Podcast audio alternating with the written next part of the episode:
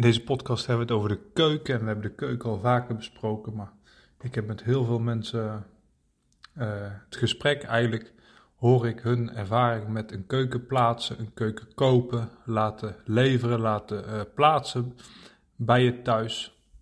Uh, en eigenlijk, hoe vervelend ook, gaat dat nooit 100% goed.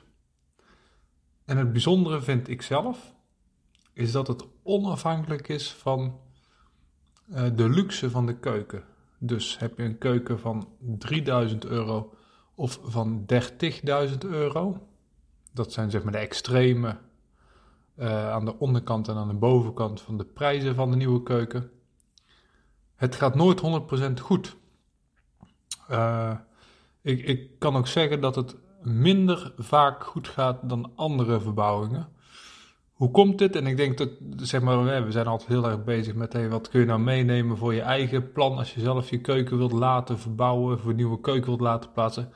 Wat is er nou belangrijk voor jouzelf, uh, voor jouw toekomstige keuken? En hoe kun je dit voorkomen? Ik bedoel, ja, het is natuurlijk leuk om ervaring van anderen te horen, maar het gaat er vooral om, wat kun je jezelf uithalen? Nou, daarom een hele korte podcast met direct concrete tips. Ben heel erg uh, bedachtzaam.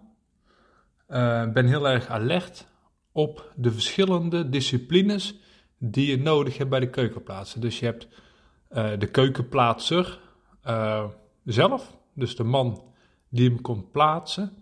Daarnaast heb je de loodgieter voor het water, aanvoer van water, afvoer van water, hè, van vuilwater de rioleringsbuizen, de, de afvoerbuizen.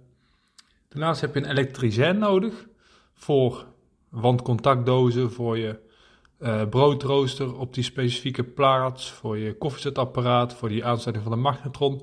En ook al zeg maar, heb je nu een bestaande keuken en wil je exact hetzelfde terug, heel vaak is het toch nog een elektricien nodig. Uh, bijvoorbeeld, het kan ook bijvoorbeeld ook zijn voor een, uh, voor een groep die je laat maken als je elektrisch gaat koken. Uh, dus die heb je, hè, dan hebben we ook al die persoon te pakken. Dan is er vaak ook nog stukken door nodig. Want er moet een stukje aangestukt worden waarschijnlijk. Misschien heb je ook wel een tegelzetter nodig als je tegeltjes achter die keuken wilt hebben. Uh, misschien heb je een kitter nodig voor mooie kitnaden. Uh, dat plaatsend keukenbedrijf zal vaak dit niet doen. Ik denk als je in het hogere segment zit, 30.000 euro, denk aan uh, Poggenpol, Gaggenau, luxe mielekeukens, uh, noem maar op, de, de, de premium merken zeg maar. Uh, wellicht hebben zij wel die service waar je dan natuurlijk ook gewoon ja, goed voor betaalt. maar ook dat is nog niet alles. Misschien heb je wel een binnenhuisarchitect. Misschien heb je wel een algemene aannemer of klusjesman die ja, ook een beetje moet samenwerken om. Ja, misschien moet die keuken tijdelijk even midden in de woning geplaatst worden voordat die echt geplaatst wordt. En ja, misschien zijn ze alles in het huis aan het verbouwen. Hoe wordt die keuken zeg maar onbeschadigd? Hoe zorg je dat dat niet beschadigt?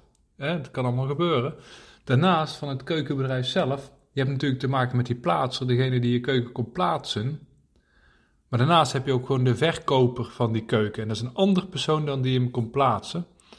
Uh, zoals je wellicht weet. En waarschijnlijk als je zeg maar, de keuken gekocht hebt, dan heb je soms nog daarna contact met iemand van de interne telefonische helpdesk of van de e-mail helpdesk als je nog vragen hebt over die keuken. Dat is ook weer een andere persoon. Dus bij een keukenbedrijf ben je al met, misschien met drie verschillende mensen aan het praten. En natuurlijk, die proberen intern alles wel af te stemmen, maar je weet het maar nooit.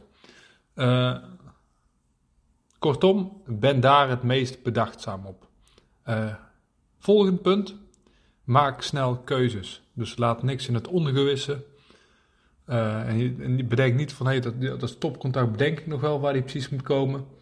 Want dan is de kans groot dat hij uiteindelijk niet gaat komen of toch op de verkeerde plek. Of dat iemand moet gaan wachten en dan toch weer naar een volgende klus gaat en dan ben je iemand kwijt. Waardoor ook de volgende weer niet kan komen. En dat met het woord volgende heb ik ook zeg maar het woord planning impliciet al eh, in de mond genomen. Maak zelf die planning. Dat keukenbedrijf zal echt voor jou de planning niet maken. En vooral niet als je zelf die mensen regelt. Want soms kan het keukenbedrijf deze mensen voor jou ook regelen hoor. Maar niet altijd, zeker niet altijd. En ook niet zeg maar tot het laatste kwastje verf, want ja, een schilder heb je misschien ook wel nodig. Hè, door, schilder, tegelzetter, kitter, misschien nog een algemene bouwvakker. Ja, het kan zomaar zijn dat je voor een keuken plaatsen, ja, 6, 7, 8 personen nodig hebt. En die hebben allemaal een eigen agenda.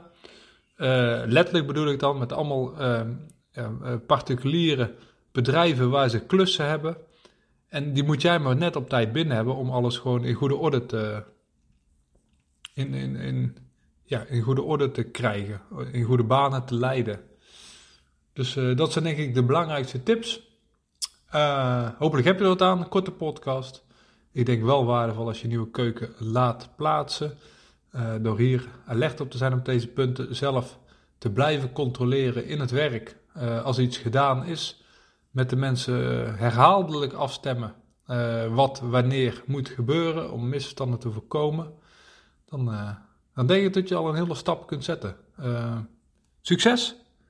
Succes met alle voorbereidingen voor je huis, met je plannen en tot een volgende podcast.